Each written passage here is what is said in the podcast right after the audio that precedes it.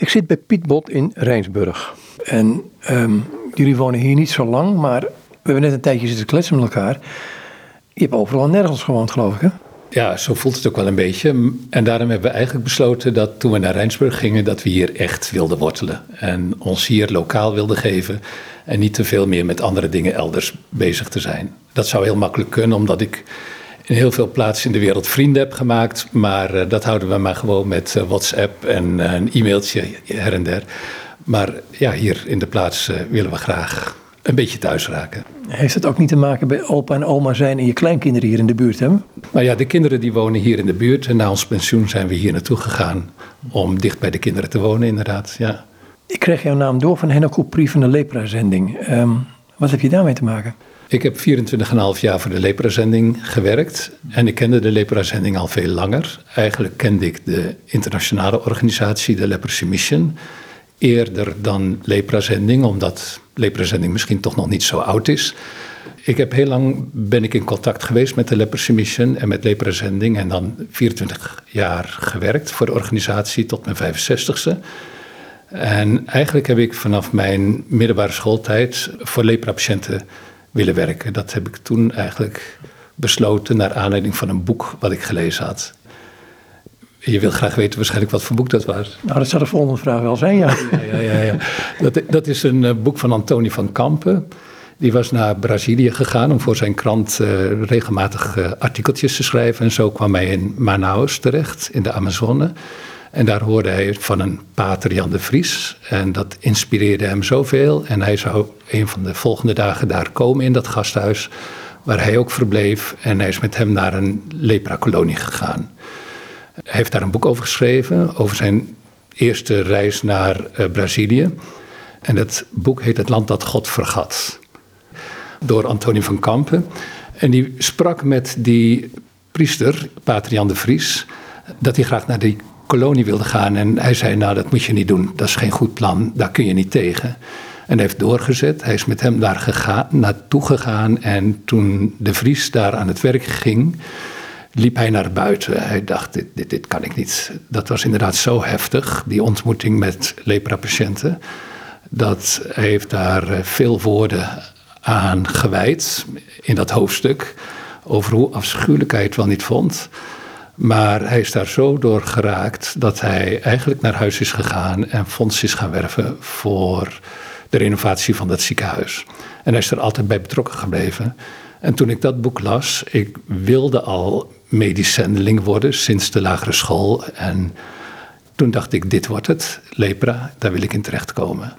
Omdat wat hij beschreef en hoe je het beschreef me zo aansprak, dat ik ja, daar mijn taak in kon zien in dit leven. Ik heb wat omgezworven na die tijd. Ik ben medicijnen gaan studeren na de middelbare school.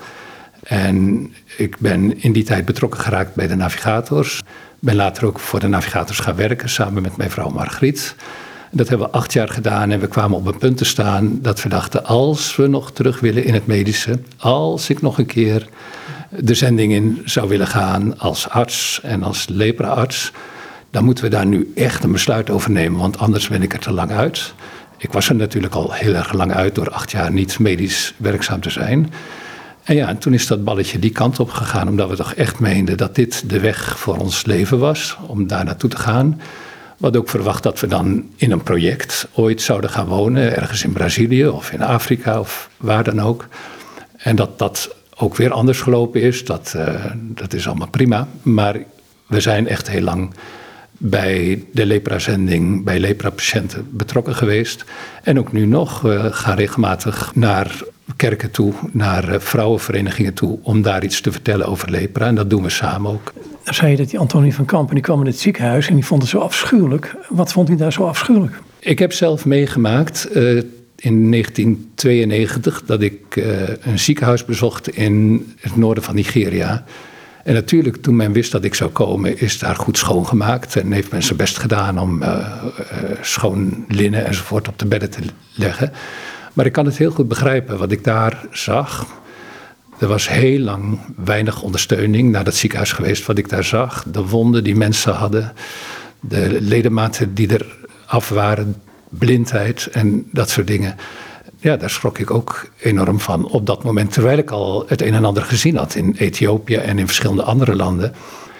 En op een gegeven moment uh, waren we klaar met de rondleiding en liep ik langs een deur die dicht was. En toen vroeg ik aan hen, als wij gaan ondersteunen, uh, ja, dan moet ik ook met een goed plan komen uh, en jullie aanbieden wat we eventueel zouden kunnen doen. Maar dan wil ik ook weten wat er achter deze deur zit. En toen zeiden ze, oh, daar is niks. Ik zei, nou, doe dan open eventjes. Uh, en die deur is opengegaan en er lag op een aantal lakens die zo smerig waren, lag een man die talloze wonden had, helemaal in de pus lag op die lakens, daar lag hij. En uh, nou, dat, was, dat is heel erg confronterend. De geur natuurlijk. Ja, ik wil zeggen, die stank moet enorm zijn geweest zijn. Ja, ja dat, uh, als wonden niet goed verzorgd worden, ja, dan gaan ze infecteren. Dat heeft niks met lepra dan te maken. Dat zijn normale bacteriën die in een wond terechtkomen. En dat gaat ontzettend stinken. En er is natuurlijk aan alles gebrek. Dat ziekenhuis had een enorm probleem met water. Er waren een paar putten. En je kon de bodem zien in die putten van uh, tientallen meters diep. Hè. Dat, uh, dus hoe hou je het schoon? Ik heb niemand daar iets kwalijk genomen erover. Het is echt heel moeilijk in die hitte en met weinig water. En dan met weinig geld. En voor de verpleegend personeel, die verdienen weinig. dus de motivatie is natuurlijk ook wat anders. En, maar ja, dat was heel schokkend om dat te zien. Kun je daar nou risicoloos doorheen lopen als, als, als Westeling? Ik zeg het bewust met een beetje met in gedachten Damiaan, die naar Hawaii ging. Uh, een van die eilanden en daar zelf ook besmet werd met, uh, ja. of, uh, door lepra. Ja. Nou, in deze tijd, wanneer iemand de diagnose lepra krijgt en daarvoor bijvoorbeeld opgenomen wordt in een ziekenhuis, als dat nodig is, die krijgt direct medicijnen. Dat is beschikbaar, bijna overal in de wereld. Dat hoort beschikbaar te zijn nu. En uh, na één of twee dagen medicijnen te hebben gekregen, is men eigenlijk niet meer besmettelijk. Dus de meeste risico loop je dat je ergens rondloopt op een markt of in een bus naast iemand zit waarvan je niet weet dat hij lepra heeft. Hij of zij hoeft het zelf ook helemaal niet te weten. Maar die persoon kan de lepra-bacterie verspreiden. En ja, blanke mensen kunnen ook uh, inderdaad lepra krijgen. In Zuid-Afrika hadden we lokale collega's, blanke mannen, mannen en vrouwen. En twee van hen hebben ook lepra gekregen tijdens hun werk. Dat uh, komen toch mensen tegen. Familie bijvoorbeeld, die uh, met zo'n patiënt naar een kliniek kwamen. En die man of die vrouw die had dan duidelijk lepra. Maar die familie was misschien ook al bacteriën aan het verspreiden. Hè? Dus ja, dat risico loop je wel. Maar ik ben niet zo bang voor de lepra, want dat is heel goed te behandelen. Ik ben altijd wat meer bang geweest voor malaria en dat soort ziektes hè, waar je aan kan overlijden. Je zei, je zei net van, um, ik wilde graag de medische zending als jongetje al. Ja. ja, waarom eigenlijk moet ik de vraag stellen? Uh, op de lagere school in de vijfde klas, wat nu groep zes is of ja, ik weet het niet, kwam er iemand langs met een presentatie over um, de bouw van een ziekenhuis in Paramaribo, het Diakonessenhuis. Het thema van de presentatie was viermaal ZN, zij zoekt zichzelf niet. Uit 1 Korinthe 13 vers 4. Natuurlijk kregen we dia's te zien. Het was nog in de tijd dat er geen film getoond werd, maar dia's. En er stond zo'n grote bandrecorder en daar werd ook een verhaal op verteld, maar ook een lied gezongen. En dat lied was uh, Eén naam is onze hoop. Eén grond heeft Christus kerk. Zij rust in ene dopen. Zij is zijn scheppingswerk. Nou, ik word er nu nog weer emotioneel onder. Ik heb dat vaak als uh, lied aangevraagd ook. Uh, ik vond het altijd geweldig. Ook hier in de kerk wordt het af en toe nog gezongen. En dat heeft me ontzettend ontroerd. Um, ik ging als kind met mijn ouders naar, de, naar een kerk waarvan je soms de indruk kreeg dat het monopolie van kennis van God dat dat in die kerk aanwezig zou zijn. En dan kon ik tijdens de kerkdiensten soms wegdromen en dat lied zachtjes voor mezelf zingen. Dat stond ook in de liederen die aan de psalmen toegevoegd waren in die tijd, in onze bundel. En dan zong ik dat. En toen dacht ik, het kan niet waar zijn dat alleen God bekend is hier. En uh, of dat wij de waarheid weten. Dat heeft me zo geholpen om ook in die kerk me thuis te voelen. Om dat vertrouwen zelf te hebben. En toen heb ik besloten om medisch te worden. Maar er was niemand in de familie die naar de middelbare school was gegaan. Uh, niet gestudeerd had. Ik wist eigenlijk niet goed wat ik besloot en hoe je daar moest komen. Maar nou ja, na, school, na de lagere school ben ik dan naar de middelbare school gegaan. Toen heb ik nog een tijdje uh, stuurman op de grote vaart willen worden. Ik heb weg- waterbouw willen doen. Mijn vader had uh, een abonnement op het tijdschrift van de Delta werken. Dat vond ik zo geweldig. Die, die, ik vind het nu nog leuk om uh, dijken, bruggen, dammen en dat soort dingen te zien. En ik had die wereld in kunnen gaan. En ik had eigenlijk naar de derde klas middelbare school van school af willen gaan om naar de HTS te gaan. En toen zei mijn vader, je moet het afmaken, de middelbare school. En wat je daarna wil doen, dat moet jij zelf besluiten. Maar wil je ook eens nadenken over dominee worden, zei hij vaak. En daar zei ik tegen mijn vader, dan ben je voor de een te licht en voor de ander te zwaar. Dat doe ik niet. Maar ja, ik heb een vader en moeder gehad die voordat ik geboren werd gebeden hebben dat ik de Heer zou dienen. Ja? En natuurlijk was dat voor hen de manier om dat te doen hè, in hun ogen. Nou ja, goed. Uh, tijdens het laatste jaar van de middelbare school las ik dan dat boek over lepra. En toen was het eigenlijk een beetje voor me ingevuld. En toch heb ik andere dingen gedaan. Na mijn studie hebben we ook voor de navigators gewerkt. Dat vertelde ik net al, hè. Uh, maar uiteindelijk zijn we terechtgekomen bij, bij de lepra-zending, ja. Maar de navigators, wat is dat? De navigators, dat was een studentenbeweging die eigenlijk uit Amerika kwam, maar ook erg Nederlands werd hier. Ja, dat was een soort uh, fellowship, een, een soort broederschap, een zusterschap. En mensen die met elkaar over het verhaal van de Heer spraken. Hè? Ik las net vanmorgen in de Bijbel een tekst paraat, maar dat gaat over de blinden in Johannes 9. En daar zegt Jezus op een gegeven moment: Mijn komst naar de wereld bepaalt hoe het met de mensen zal gaan. En dan gaat het over blinden gaan zien, maar mensen die zien zullen blind worden. En dat is uit de Bijbel in gewone taal. Dus mijn komst naar de wereld bepaalt hoe het met de mensen zal gaan. En, en nou ja, daar heb ik in geloofd. En uh, daar geloof ik nog in. En over, de, over wie Jezus Christus was en de positie die hij inneemt in deze schepping, in dit heelal, in deze wereld, in ons hart. En daar waren we mee bezig. En wat uh, heel belangrijk was bij de navigators was dat je niet zelf alles deed, maar dat je mensen opleidde, dat je mensen toerustte om ook als discipel en als arbeider van Jezus, voor Jezus, door deze wereld te gaan.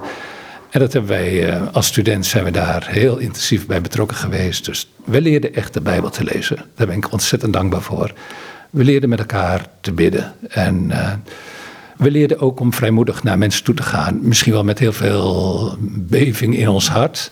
Maar om naar mensen toe te gaan en te proberen met hen over Jezus te spreken. En uh, ja, dat is heel belangrijk voor ons geweest. En we zijn daar niet weggegaan omdat het niet meer belangrijk was. Maar omdat toch die eerste roeping, wat ook voor mijn vrouw belangrijk was. Uh, we hebben samen medicijnen gestudeerd, we kennen elkaar, we hebben elkaar de hele studie gekend, samen betrokken geweest als studenten bij dat werk van de navigators in Leiden en in andere plaatsen.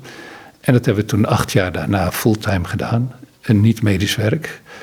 Dus toen de oude droom weer boven kwam om medisch werk te gaan doen, toen uh, moest ik wel geschoold worden om weer, om toch in de lepra-wereld terecht te kunnen komen.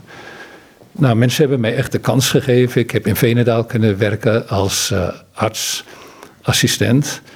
Ik heb ontzettend veel geleerd en uh, daarna natuurlijk de tropencursus gedaan. En voor de uitzending via de Raad voor de Zending van de Hervormde Kerk hebben we ook een cursus in Oegstgeest gevolgd. En zo hebben we uh, drie jaar in Ghana doorgebracht en daarna bij de leprazending terechtgekomen. Ja. Drie jaar in Ghana, en dan kom je als Nederlander in een cultuur waar tijd een andere invulling heeft. Ik noem er één verschil. Ja, dat begon al uh, toen wij in Accra aankwamen en in een guesthouse terechtkwamen. Er werd er elke dag afgesproken hoe laat ik opgehaald zou worden. Want ik moest naar allerlei kantoren om formulieren in te vullen voor Margriet, onze vier kinderen. We hadden toen vier kinderen. En mijzelf. En die moesten dan ook allemaal in drievoud ingevuld worden. Dus ik ben er heel druk geweest de eerste week in Accra. Maar je begint al met wachten daar. En nooit precies weten wanneer je opgehaald wordt daarvoor. En toen we eenmaal in Bauku waren, in het noorden van Ghana. Toen was er al gauw een feest in het ziekenhuis. En dat zou om vier uur beginnen. Nou, wij zaten daar keurig, mijn vrouw en ik en de vier kindertjes. En we hebben daar twee uur moeten wachten hè, totdat uh, de eerste anderen kwamen. Inmiddels hadden we wel gevraagd aan het personeel in het ziekenhuis: hé, hey, er zou toch een feest zijn om vier uur? Nou ja, dat begint dan niet om vier uur. En zo was het ook in de kerk en in allerlei situaties. Um, maar ja, wanneer je ergens anders komt, moet je je een beetje voegen daar. Hè? Er zijn dingen waar je voor moet staan. Zo wil ik het, zo zie ik het. Maar hoe men daar leeft met elkaar, ja, daar moet je toch een beetje bij proberen aan te sluiten. En uh, dat is denk ik wel behoorlijk gelukt. Maar ik ben toch wel een uh, tijdneuroot hoor, in heel veel dingen. Dat ik vind dat de dingen hier in Nederland wel op tijd moeten gebeuren, ja. Een trein die op tijd reist vind ik geen, uh, vind ik wel een goed, goed idee eigenlijk. in tegenstelling tot veel andere landen. Ja. Maar ik had hier een Congolese vriend op bezoek. En ik ben met hem een keer in de trein van Kinshasa naar Matadi gegaan. Die trein kwam vier uur te laat of vertrok vier uur te laat. En hij stond met mij hier op een uh, perron en toen las hij het was een leuke vent. Hij las, eh, de, de trein komt aan om 16 uur 31. Hij zei, waarom staat er niet 16 uur 31 en 27 seconden? Dat was om mij te pesten natuurlijk, omdat we zo precies waren, weet je. Kunnen jullie dat niet plannen, die minuut? Maar uh, ja, het is, het is heel anders. Ja. Kom je dan, als je in Ghana gaat wonen, kom je jezelf als Nederlander ook niet tegen? Ga je dan ook niet ontdekken wie je als Nederlander bent? Ja, ja, ja ja, dat je dus heel anders bent in heel veel opzichten. Uh, wat geloven in God betreft, ontmoet je elkaar toch wel heel erg.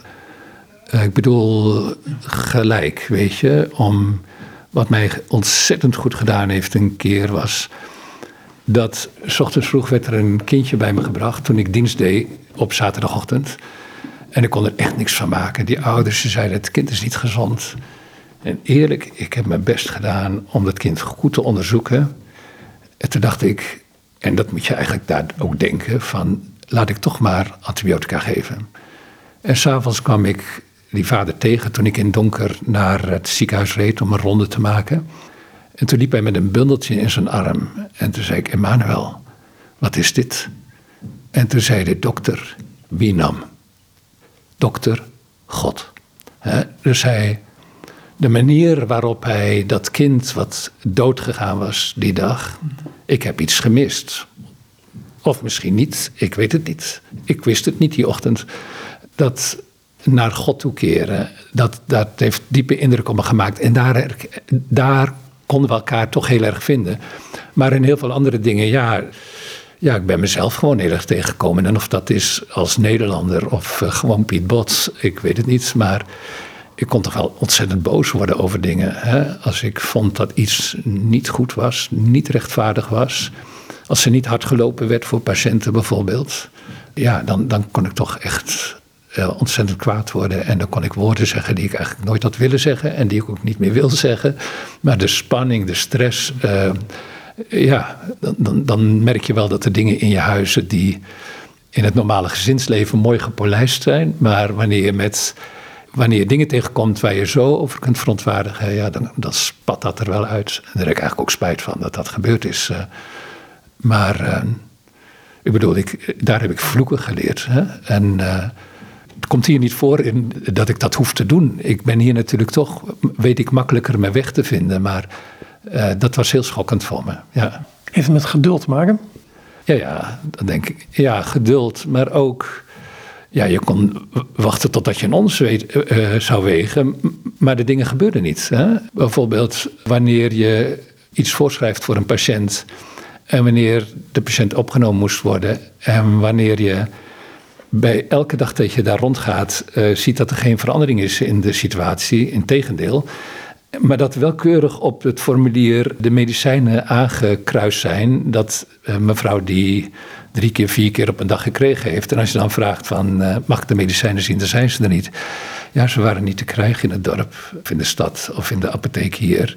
Dus je hebt het niet gegeven en je kruist het aan, weet je. Nou, dat zijn hele moeilijke dingen hoor. Dat, uh, ja, ik hoop dat dat hier nergens gebeurt in een ziekenhuis. Maar daar gebeuren dat soort dingen. Dat, ik noem maar één voorbeeld. Ja, we hebben ook hele mooie dingen meegemaakt in Afrika. En waar ik wat ik echt ontdekt heb daar, en dat is heel kostbaar voor me, is dat ik ontzettend veel kansen heb gekregen in mijn leven om geschoold te worden, om toegerust te worden, voor het werk. Daar liepen mensen rond onder de medewerkers van het ziekenhuis die verpleegkundigen waren, die zelfs niet de hoogste verpleegkundige eh, graad hadden bereikt, maar die zoveel meer wisten over gezondheid en over de ziekte en over wat er moest gebeuren. Omdat ze zo'n goede eh, het verstand ervoor hadden en zo'n toewijding eraan hadden om uh, te ontdekken en te leren. En, uh, maar ik moest daar leiding aan geven. Het gebeurde tijdens operaties dat ik moest zeggen van hoe doen we dit? En dan dat of de man die de anesthesie deed of de verpleegkundige die de tweede persoon was aan de tafel, dat die dat wisten. En dan moest ik daar de verantwoordelijkheid voor nemen natuurlijk. Ik kon nooit zeggen later, ja, jullie hebben mij verkeerd geïnformeerd of zo. Maar je leert zoveel van de mensen daar. Dat, uh, en het ook, om dat ook in de lokale situatie te doen, met de beperkte middelen die, de, die we daar hadden. Ja, we hebben daar gewoon hele mooie mensen ontmoet. En ik heb daar in heel veel opzichten fijn gewerkt. Je was directeur in een ziekenhuis? Nee, nee, nee, nee. Er was een andere directeur. Ik was een van de. Ja, er zouden altijd vier artsen moeten zijn naast de directeur die oogarts was. Maar uh, we waren ook vaak met te weinig artsen. En het was een ziekenhuis met meer dan 200 bedden. Ik ben een keer drie weken alleen geweest daar. Nou ja, dan uh, word je elk moment van de nacht ook uit je bed gehaald. Hè. Dan, dan je toch wel heel druk bezet hoor. Maar ook dat, daar kijk ik echt op terug. Van, het was een hele mooie periode. Ik heb ontzettend veel geleerd. En de reden waarom we daar op een gegeven moment weggegaan zijn, was de gezondheidssituatie van het gezin. De vijfde kind is daar geboren, is daar heel veel ziek geweest. Uh, zodanig dat we onafhankelijk van elkaar liepen te denken van... maar als ze overlijdt, waar moeten we haar begraven? Margriet is op een gegeven moment met dat dochtertje naar Nederland gegaan. En daar kreeg ze eigenlijk dezelfde medicijnen. We schreven hetzelfde voor. Ik had hetzelfde voorgeschreven als wat ze daar in uh, Nederland kreeg. En daar knapte ze op. Maar ja, dat klimaat is voor sommige kleine kinderen ook heel slecht hoor. Daar kunnen ze moeilijk mee leven. Wat voor klimaat heb je het over dan? We hadden daar uh, in het noorden van Ghana kon het heel droog zijn in onze wintertijd. Dan waren de nachten koeler. Dat vonden de mensen heel erg koud, maar dan was het nog altijd 22 graden bijvoorbeeld. En mensen hadden dan ook grote mutsen, wollen mutsen op hun hoofd, uh, s ochtends als je ze tegenkwam. En dan overdag kon het oplopen tot 43 graden. Maar in dat ziekenhuis, uh, daar stond een generator en die werkte s ochtends en s avonds van 6 tot 10. Maar vaak ging die ook later aan en smiddags was er dus geen elektriciteit. Dus in, de hitte van de dag was er geen uh, koeling. Hè? Ja, dat was heel erg pittig. En daarnaast was, er, was het toch ook moeilijk om aan goed voedsel te komen. De variatie was heel beperkt. We aten heel vaak tomaten en komkommers. Af en toe ging er iemand naar Burkina Faso toe. En dat hebben we zelf ook wel gedaan. We hadden daar een auto. Dan laat je de achterbak vol met allerlei fruit en uh, ander eten. Ook halve, halve geiten. Die werden daar heel schoon geslacht. En daar stond er een heel mooi stempel op. En dan deelde je die uit wanneer je thuis kwam. Maar dat kon je natuurlijk nooit voor iedereen daar doen. Uh, en het was ook weer gauw op. We moesten 60 kilometer rijden om wat variatie in het voedsel te kunnen brengen. Ja, dat, dat is dan het leven wat veel mensen moeten leven. Hè? We praten er vaak over van hoe komt het nou dat heel veel dingen zo achterblijven in Afrika, maar grote delen van de bevolking leven op die manier. Met een weinig variatie in het voedsel, met heel veel parasieten. En uh, ik bedoel, in de jaren dat ik voor de leprazending gewerkt heb, had ik natuurlijk heel vaak contact, telefonisch ook met collega's.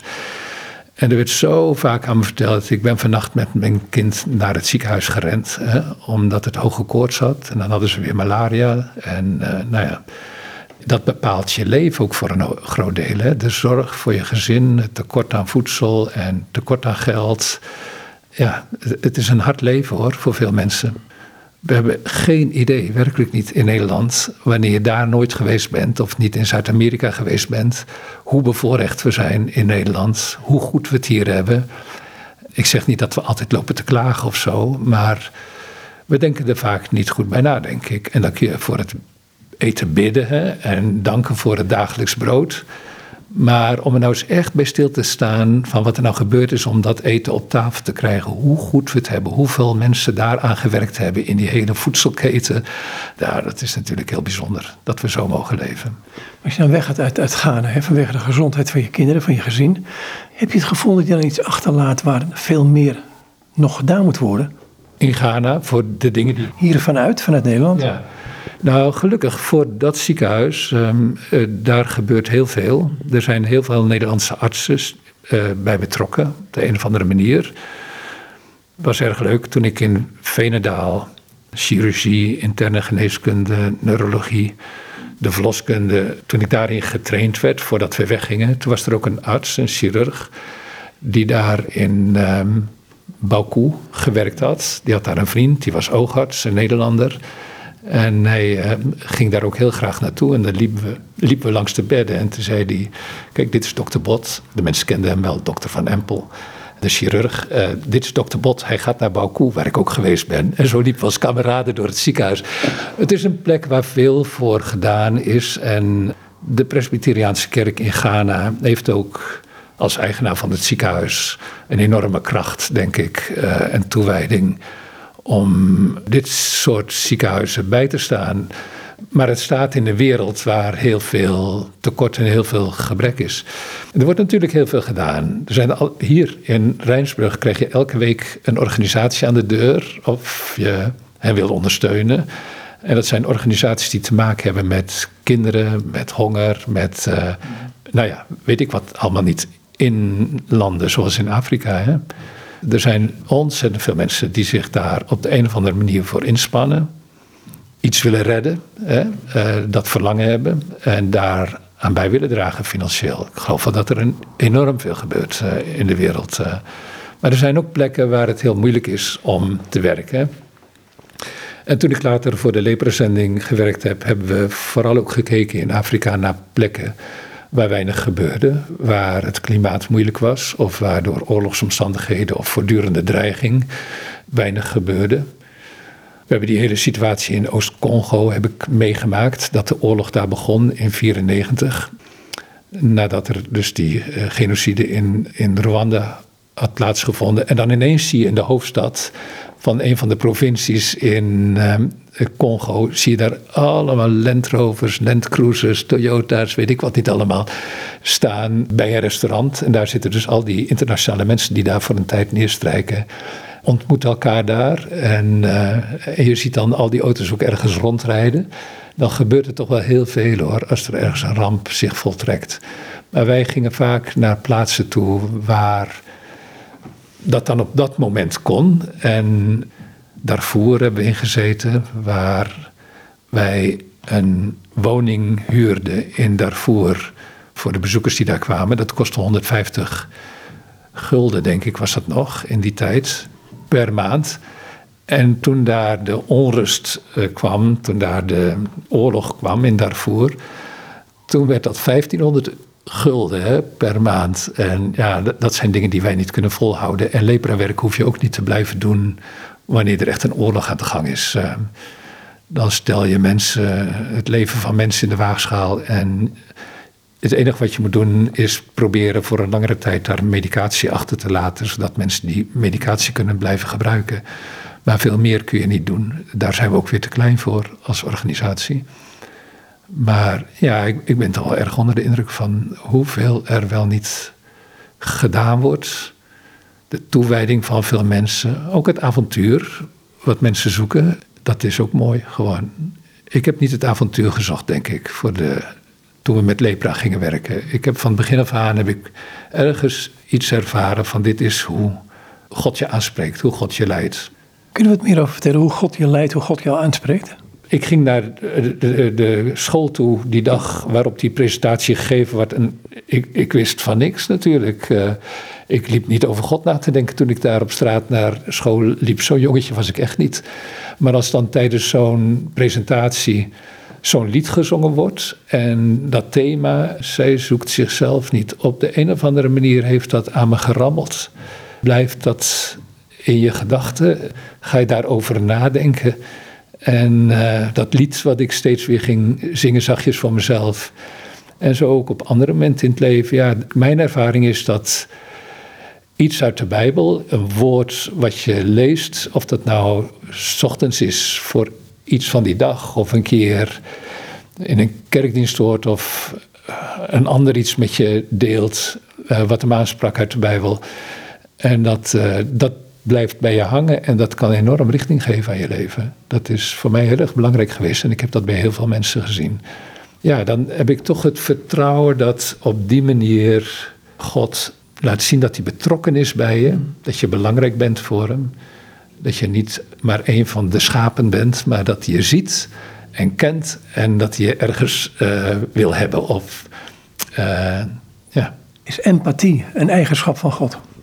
ja, uh, zo heb ik er nooit over nagedacht, maar ik denk het wel. Dat, dat is het. Als hij zegt: Ik ken je en ik heb je lief en, uh, en ik, ik omgeef je van voor en van achteren enzovoort. Uh, dat prachtige psalm, is dat 139?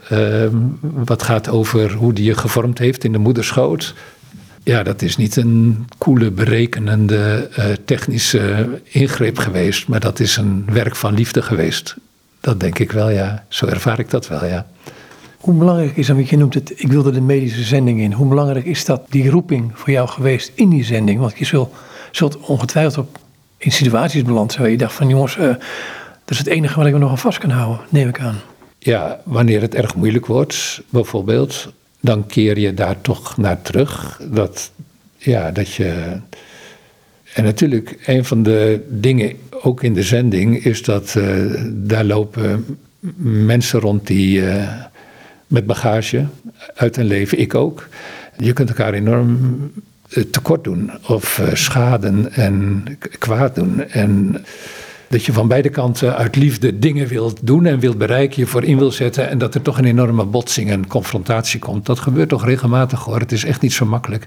En dan zit je in een omgeving waarin je niet eens even af kunt koelen of je eens even af kunt laten leiden. Je bent heel erg op elkaar aangewezen. En dan is het toch heel erg belangrijk om in plaats van je koffer te pakken, dat je dan toch ervaart van ik zit hier niet zomaar. Ik heb niet voor de verkeerde organisatie gesolliciteerd. Ik geloofde toch dat God ons hier naartoe geleid heeft. En natuurlijk weer er open voor staan om dat anders te gaan zien, om daarop op die schreden terug te keren. Om te denken van, heb ik het wel goed begrepen? Maar, ja, maar ook in uh, hoe je met mensen daar omgaat. Met patiënten, met uh, kinderen, met uh, de buren, met enzovoort. Dat je toch ook bewust bent, ik heb ook een woord voor de wereld. Of laat ik het zo zeggen, er bestaat een woord voor de wereld. En dat je daar probeert met elkaar over in gesprek te komen. Ik heb trouwens een, um, ik heb het boekje op tafel liggen hier van de zeven wegen van barmhartigheid. Daar lees ik wat in. En gisteren las ik um, over. Natuurlijk gaat het over de zieken ook. De ziekenbezoeken. Maar gisteren las ik over de gevangenbezoeken en er staat een schilderijtje in. En daar zijn mensen aan het werk. Er is iemand, iemand aan het geestelen. Er is iemand die kennelijk nou ja, de macht over die gevangenis heeft en over die gevangenen heeft. En er komen er mensen om daar geld aan te bieden om die gevangenen vrij te krijgen. Enzovoort. Maar ergens in de hoek staat Jezus afgeschilderd. En er staat er in de tekst dat hij als Salvator Mundi, de redder van de wereld, aanwezig was. Ja, ik ben me altijd heel erg bewust geweest van zijn aanwezigheid. Waar we waren. Of dat nou hier is, in dit dorp, in deze straat of dat het in Afrika is, waar ik gewerkt heb, of in Bangladesh of in Nepal, waar we gewerkt hebben. Hij is aanwezig. Wij brengen hem daar niet. Hij is aanwezig en hij doet zijn werk. En daar waar wij in onze uh, gehoorzaamheid, in onze toewijding, ons werk doen en met mensen omgaan, onafhankelijk van ons, doet hij zijn werk. Hij doet het ook door ons. Dus ja, we hebben een woord voor de wereld, maar er bestaat dus ook een woord voor de wereld. En dat is het levende woord, Jezus de redder van deze wereld. Uh, vond het heel mooi, dit schilderij eigenlijk. Om daar eigenlijk stil in een hoek daar te zien staan. Uh, ja. Want hij staat hier in de hoek, zeg je. Ja, ja. maar hij he's got the whole wide world in his hand. Hè? Um, ja, we denken vaak hè, dat het zonder ons niet kan. Of dat wij het het beste weten en dat wij de, de hele last daarvan moeten dragen enzovoort. Maar wanneer je toegewijd hebt aan, laten we zeggen, een woord van God met een belofte, met betrekking tot deze wereld of met betrekking tot hoe die je wil gebruiken, dan moet je blijven vasthouden aan, hij doet het, hij is daar. Hè? Uh, hij heeft niet zomaar alles uitbesteed. Uh, en uh, wij mogen fouten maken. Ik denk dat wanneer het werkelijk van mensen af zou hangen, dan zou er heel veel zendingswerk gewoon te vergeefs geweest zijn en kapot gemaakt worden door mensen. Maar God doet dingen. Ook in de heel moeilijke omstandigheden, wanneer wij weg moesten gaan, wanneer je niet kon blijven. We hebben echt met collega's uh, hele moeilijke omstandigheden meegemaakt waaruit we ze hebben moeten evacueren. Soms wilden ze dan helemaal niet weg en moest je er erg je best voor doen om te zeggen: Oké, je gaat eruit. En als je denkt dat het over een week daar weer beter is, dan ga je met de U-turn, eh, met een U-vorm, ga je terug naar dat gebied. Maar nu is het niet goed, nu moet je weggaan. Uh, en dat, dat God niet weggaat. Kijk, hij, hij zorgt niet dat er een auto komt op tijd, dat het geld daarvoor komt enzovoort. Daar moeten wij bekendmaken, daar moeten wij om vragen. En dat moeten wij uh, een auto uitkiezen en een auto kopen en betalen en de transportdingen voor regelen. Maar het werk in de harten van mensen, dat wordt door God gedaan. Dat wordt door zijn geest gedaan. Ja, dat, uh, ja. Heb je daar voorbeelden van in de situatie waar je geweest bent? Bijvoorbeeld ook dat jullie weg moesten en toch dat je zag van hé, hey, Jezus blijft daar? Nou, onder andere aan hoe mensen lokaal, lokale mensen er gebleven zijn. En hoe ze zich zijn blijven geven, toegewijd zijn gebleven aan de patiënten. Dus waar wij ons zorgen maakten dat dat helemaal terug zou vallen, dat ze hun best gedaan hebben. En dat ze dat konden verbinden aan hoe ze in gehoorzaamheid aan God, hoe ze gezocht hebben om hun werk toch voor te zetten met weinig geld, omdat we niet zomaar geld konden sturen naar die gebieden in dat soort situaties met steeds minder wordende middelen. Ja, op die manier bijvoorbeeld. En dat hebben we gehoopt, hè, dat lokale mensen dat werk zouden kunnen leren, zouden kunnen overnemen, daar warm voor blijven lopen. En uh, ja, dat geloof ik wel. Een van de dingen die ik ook wel eens hoor, misschien is dat een beetje een, een te scherpe tegenstelling, is dat mensen halen dan hier in het Westen kinderen uit zo'n cultuur vandaan. Wat dan wat minder is. En die zeggen, ja, hier hebben ze tenminste een toekomst. En ik word er altijd heel kriegelig van. Ik zou een vragen willen verbinden, wat is de toekomst van de mensen daar? Want je schetst een situatie die eenzijdig is, eh, slechte voeding vaak. Ja. Uh, wat is hun toekomst met God, om het zo te zeggen? Wil je met me naar die foto lopen daar? Ja. ja? Ik heb hier een foto aan de muur. Ik sta daarop, op die foto met een hele groep met kinderen om me heen. Is dat enige tijd geleden? Ja, ja, ja dat is enige tijd geleden. Je was nog jong? Ik was nog jong. Nou ja, goed. Ik denk dat ik wel 50 was daar. Daar is altijd veel gebeurd voor lepra-patiënten door de katholieke missie. Die Kungu Chumbe of zoiets heet het. En wij zijn daar naartoe gegaan om met de ouders te praten over hoe zou jullie leven hier in dit dorp op een wat hoger pijl terecht kunnen komen? Wat hebben jullie nodig? Wat vinden jullie met elkaar dat er moet gebeuren hier? En daar hebben we hele mooie dingen mee beleefd met dat soort vragen te stellen. Aan uh, volwassenen, maar ook aan kinderen van een zekere leeftijd. En dat men dan in gesprek uiteindelijk het met elkaar eens wordt, dit en dit en dat gaan we doen. Nou, mijn Congolese collega's deden dat gesprek in de lokale taal. Ik kon daar niet in meedoen, maar ik was er met hen naartoe gegaan. En ik heb daar wat foto's gemaakt, ook van die groep die dan bij elkaar zat enzovoort. En die kinderen die werden op een gegeven moment steeds drukker. En toen heb ik gezegd, zonder woorden te gebruiken, met gebaren van kom, we gaan met elkaar op de foto. Ze stelden zich fantastisch op hier. Maar wanneer ik die foto zie, dan denk ik toch heel vaak, hè, wie leeft er nog? Wie eet er? Zijn die kinderen wel getrouwd? Um, hebben ze wel kinderen gekregen? Hebben ze wel een inkomen enzovoort? Omdat de kindersterfte toch heel erg hoog is. En zeker ook in dit soort situaties, waarin er ook een groot stigma drukt op, de, uh, op dat dorp. Uh, we hebben daar, herinner ik me, een gesprek gehad met ouders en met uh, jongvolwassenen. En die vertelden ons dat die kinderen nooit zouden kunnen trouwen. Tenminste, niet met mensen buiten het dorp omdat opa ooit in dat dorp terecht is gekomen met lepra. De kinderen hebben het niet gehad en de kleinkinderen hebben het niet gehad. Maar zelfs zij zijn kinderen van een lepra-patiënt. En daar trouw je niet mee. Ja? Dus hier onderling misschien, maar dat zou natuurlijk ook heel veel uh, problemen kunnen veroorzaken wanneer mensen alleen maar met elkaar blijven trouwen hè, in zo'n gemeenschap. Ik vind dit zo mooi, dit jongetje dat hier staat. Zo zelfverzekerd, eh, met zijn armpjes gekruist over zijn borst. Heeft alleen een broekje aan en daar zie ik een hele dikke buik boven. Nou, daar zit gewoon een grote lever en een grote milt in. Dat kind is uh, waarschijnlijk chronisch malaria. Of het is door ondervoeding en eiwittekort. Ja, ik zie aan allerlei kinderen dat er problemen zijn. Uh, ja, nee, heel veel kinderen hebben het daar niet goed hebben misschien wel de liefde van de ouders uh, en de zorg van de oma enzovoort. Maar, en ik ga er geen uitspraak over doen of het goed is of niet goed is om ze hier naartoe te halen. Maar ik kan me heel goed voorstellen dat mensen bewogen zijn en zeggen van, uh, zullen we in plaats van kinderen zelf krijgen, kinderen adopteren? Of als we al kinderen hebben, zullen we niet een kind adopteren en het goede wat we hier beleven te delen met een kind waarvan we denken dat daar geen toekomst voor is?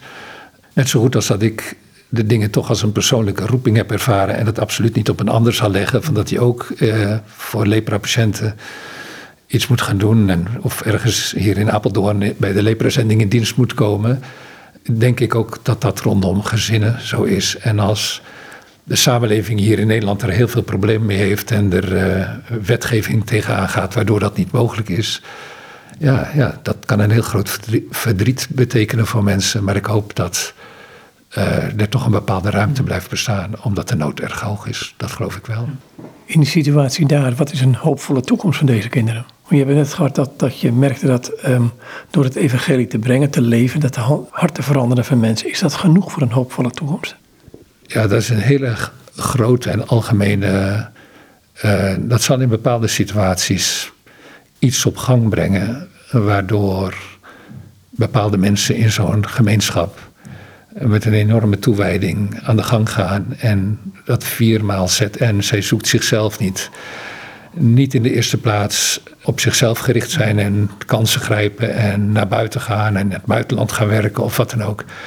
Maar ja, er zijn mensen die met grote toewijding voor een eigen gemeenschap werken. En als, als ook dan nog de dingen niet zomaar ontwikkelen. Er zijn natuurlijk dingen die groter zijn dan de gemeenschap. Het klimaat, de hitte, de ziektes die je daar hebt, de oorlogen die er zijn, uh, leiderschap in die landen.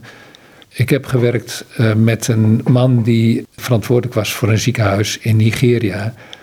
En die zei: uh, Ik ben jarenlang townplanner geweest. Dus hij moest plannen maken. En hij had een redelijk goede opleiding gehad. Hij moest plannen maken voor de stad, voor de ontwikkeling van de stad. Hij zegt: Er is nooit iets gekomen. Er is nooit iets toegepast. Dat is ontzettend frustrerend. En toen kreeg hij de baan in dat ziekenhuis. En daar zag hij dingen gebeuren onder zijn handen. Maar ook daar weer, met die ziekenhuizen, ben je zo afhankelijk van grotere partijen in dat land. Van een overheid, van het ministerie van Gezondheidszorg enzovoort. Maar dat is de werkelijkheid. Ik heb met een arts uh, in zijn huis gezeten en oude vrienden van hem uh, waren op bezoek die uh, economie en dat soort vakken hadden gestudeerd en op ministeries werkten. En ze zeiden: er gebeurt nooit wat wij met de kennis die we opgedaan hebben, wat wij denken dat zou moeten gebeuren. Het zijn altijd oudere mannen die niet opgeleid zijn voor het vak, maar die zo'n positie gekregen hebben. Zij bepalen wat er gebeurt. En dat heeft toch vaak te maken met iets te doen uh, waardoor je eigen stam of je eigen familie of je eigen dorp. Uh, nou ja, je kent de verhalen waarschijnlijk wel en die worden genoeg verteld. Maar uh, het is moeilijk. Het is echt heel moeilijk voor veel mensen daar om het goede te doen. En ik kan me heel goed voorstellen dat mensen na jaren frustratie zeggen: Ik ga het ergens anders zoeken. Zodat de, de werken van mijn handen misschien iets tot stand kunnen brengen. Ja. Ik zit niet hier met al mijn ervaring met Afrika door de leprazending en door in Ghana gewerkt te hebben in een algemeen ziekenhuis. Ik heb hier niet de oplossing voor uh, Afrika in mijn handen. Ik ben tot op zekere hoogte ook ontmoedigd nu, omdat in heel veel landen waarvan we dachten dat het wat vooruit aan het gaan was, dat er toch weer oorlogen zijn en allerlei andere onrust. Uh, dus het nieuws wat vandaag in de krant staat over Ethiopië ja, dat die nieuwe leider in Ethiopië, die al, dacht ik, een Nobelprijs, het was toch een Nobelprijs hè, die hij gekregen had, voor de vrede. Dat, uh, nou ja, van die man hoef je het ook niet te verwachten. Tenminste, dat is de teneur, dacht ik, van dat artikel. En de strijd is op zo'n vreselijke manier weer opgeleid in het land. En dat is een van de landen waarvan we dachten, het gaat een beetje de goede kant op. Hè? En dat is in heel veel situaties in Afrika het geval. Ik kwam heel vaak in het noorden van Mozambique, in de provincie Cabo Delgado, voor de leprazending. Nou ja, daar waren allerlei oliemaatschappijen bezig en die zijn, hebben zich teruggetrokken omdat er zoveel geweld is gebruikt door ik dacht dat dat IS ook was. Hè. Het, is, het is daar vreselijk. Er zijn zoveel mensen op een gruwelijke manier vermoord. En dat gebeurt op heel veel plekken in Afrika. En dat is heel erg ontmoedigend om dat te horen. En dan denk ik, je zal dan maar je hele leven in zo'n provincie gewerkt hebben. En dan ga je naar huis. En dan gebeurt dat. Nou, alles stort in elkaar natuurlijk. Toch naar het boekje toe. Ja. Dan zeg je in het boekje, zeg je die werken van de barmhartigheid. Zeg je op dit schilderij, zegt Jezus in ja in de hoek. En dat vind je prachtig. Mhm. Dus ergens moet daar hoop zijn. Ja, maar dat betekent niet dat er per se hoop is voor de structuur of voor wat een lokale regering of een nationale regering of. Het gaat wel door heel veel pijn en moeite heen. Hè? En die mensen die zitten daar in die gevangenis. Uh, Salvator Munder, Mundi, de redder van de wereld. Maar het is wel zo dat je vaak ook verhalen krijgt van mensen. En hoort wat er ook gebeurt in die landen. En ik weet niet of je dokter Mukwege, heb je daar wel eens van gehoord? Dat is een gynaecoloog die in uh, Zuid-Kivu directeur was van een ziekenhuis. Een ziekenhuis wat voor een deel verwoest is in de oorlogen in Oost-Congo. En heeft zelf moeten vluchten. Heeft echt, uh, er is een aanslag op hem gepleegd. Maar hij is daar blijven werken en hij heeft verteld, en beschrijft het ook in een boek, over wat er toch ook gebeurt in die tijd. Maar de oorlogen houden niet zomaar op. Hè? Dus er zijn mensen die tot inkeer komen, of die tot bekering komen, en die op een andere manier gaan leven. Uh, mensen die gered worden in de lokale omstandigheden. Mensen die toch geopereerd worden. Hij opereerde veel vrouwen, en dat doet hij nog. Die uh, fistels hebben tussen de blaas en de vagina, waardoor er altijd urine lekt. Uh, en dat komt door, vaak uh, door verkrachting en veelvuldige verkrachting. Ook door te grote hoofden die moeten passeren uh, bij de geboorte. Maar ja, er gebeuren heel veel goede dingen in die tijd. Maar wanneer je het nieuws leest hier in de kranten, dan zie je de ellende. Hè? nee, er zit nog iets anders aan. En ik pak één tekst uit, uh, die heb ik ooit bij de lepra-zending gehoord. Bij een interview dat ik met een van de mensen had daar. Dat Jezus een leproos aanraakte. Mm. Dat aspect. Maar het andere van dit boekje, uh, De Zeven Wegen van Barmhartigheid. En de ondertitel, die spreekt me wel aan.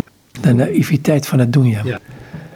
Ja, nou ja, goed, dat begint al met dat er in je omgeving, wanneer je denkt geroepen te zijn om naar Afrika te gaan, dat de mensen zeggen: zou je dat nou wel doen? En uh, het blijft toch altijd zo, weet je. En uh, je kunt er toch niks veranderen. En de mensen zijn nu eenmaal zo, enzovoort. En dat je uh, zegt, maar toch ga ik het doen, weet je.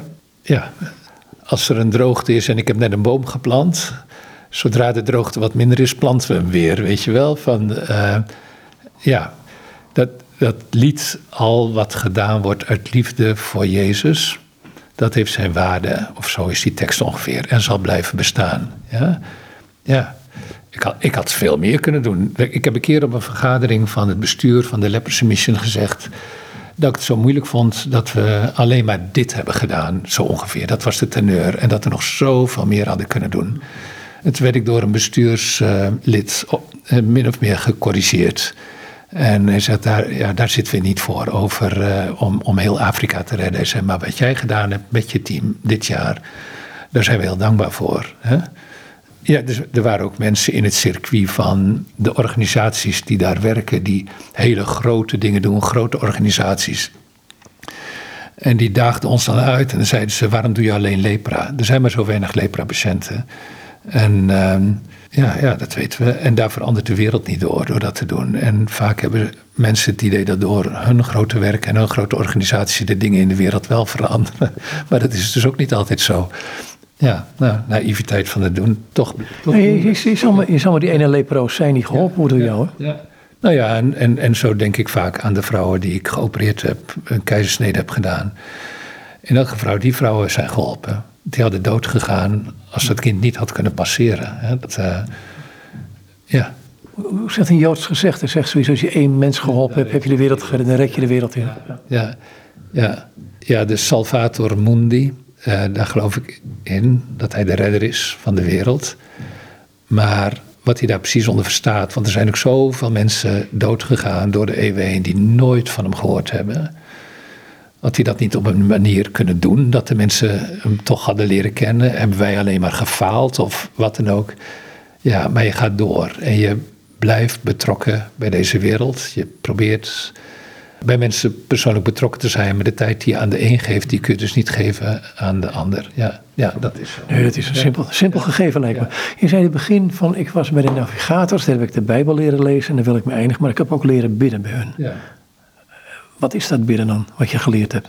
Nou ja, kijk, toen ik uh, als kind opgroeide bij gelovige ouders, die leerden ons het gebed hè, aan tafel, Heere zegen deze spijzen, amen. En uh, later, ik weet nog goed, dat mijn vader zegt, dat is nu voor je kind, uh, kindertijd geweest. En nu ga je naar de middelbare school en nu leren we je een ander gebed. Of dat moest ik dan leren. Wij danken nu voor dagelijks brood, kracht en gezondheid, Heer. Dat, dat soort gebeden. Hè? Dus wij leerden gebeden. En ja, toen ik, toen ik opgezocht werd door iemand die aan mij vroeg wat mijn geloof voor mij betekende, wie Jezus voor mij was. En, uh, en met mij erover gesproken heeft, toen is die Jezus toch voor mij een persoonlijke, nog niet een vriend op dat moment, maar is iemand geworden waarvan ik wist, deze heeft interesse in mij, deze ziet mij, weet je. En daardoor heb ik uh, leren bidden op een persoonlijke manier. Dus niet de voorgeschreven gebeden, hoewel die prima zijn. Eh, ik bedoel, het gebed dat Jezus ons heeft leren bidden, onze Vader. Ik bedoel, dat bidden we nog steeds allemaal in de kerk. Dat zijn we zelfs alweer vroeg gaan bidden toen, het, toen we nog niet mogen zingen, mochten zingen hè, in de kerk. Maar ook de gewone dingen van je leven. Of wanneer je op de fiets zit. Of wanneer je op een station staat te wachten en je op staat te winden omdat de trein te laat komt. Eh, dat, je dan... dat doe je nog steeds? Nee, nu niet meer. Nee, nu niet meer. Eh, dat was om op tijd op Schiphol te zijn, om een vliegtuig niet te missen. Maar uh, ja, dan, dat je dan leert om die dingen die belangrijk zijn in jouw leven, in het leven van je naasten, van je gezin, van de buren, van anderen om je heen, hun noden uh, bij God te brengen. En uh, dat hoeft geen mooi afgerond gebed te zijn. Dat mag een roep naar God zijn. Ook uit teleurstelling of verdriet. Uh, of omdat je niet ziet hoe het zit, in elkaar zit enzovoort. Maar waar we, waar we dan aandacht aan gaven met studenten is dat uh, loop, niet een, niet alleen te bidden. Loop niet alleen te bidden voor jezelf, hè, om te vragen. Maar leer ook te danken. Leer de dingen te zien in je leven waar je voor mag danken kijk naar degene met wie je spreekt of tot wie je spreekt. En die persoon is alle eer waard. Hè? Uh, zonder hem geen redding. Zonder hem geen leven. Uh, dus leer te danken, leer, hem, leer die God te prijzen. Hè? En leer ook oog te hebben voor de nood van je buur en van je vriend, van je moeder, van je zoon, van je dochter en, en bid voor hen. Eh, breng die dingen bij God. Uh, dus op die manier leren bidden en dat ook vrijmoedig te doen samen met anderen. Omdat er een enorme kracht in ligt wanneer je dat samen doet. Waardoor de ander ook hoort wat jouw gebed is. Waardoor die ander ook voor jou kan blijven bidden. Ja, dat zijn dingen die we geleerd hebben. En ik merk dat er toch heel veel schroom is uh, bij veel gelovigen om te bidden wanneer er gevraagd wordt wie wil afsluiten met een gebed. Of wie wil voorgaan. Of, wie wil, of zullen we met elkaar bidden. Uh, dat hebben we wel geleerd daar. Om dat soort dingen te doen. En daar ben ik ontzettend dankbaar voor. Uh, ja. Ik word hier wel later, dankjewel. Nou ja, dankjewel voor de vragen die je stelt. Ja, mooi, bedankt. En dit zei Piet Bot en met hem was ik in gesprek over zijn leven. En uh, dan ging het vooral over het werk onder de leprozen, over de leprazending. De leprazending is trouwens gevestigd in Apeldoorn. Ze hebben een website www.leprazending.nl. Goed nogmaals, tot zover dit gesprek met Piet Bot.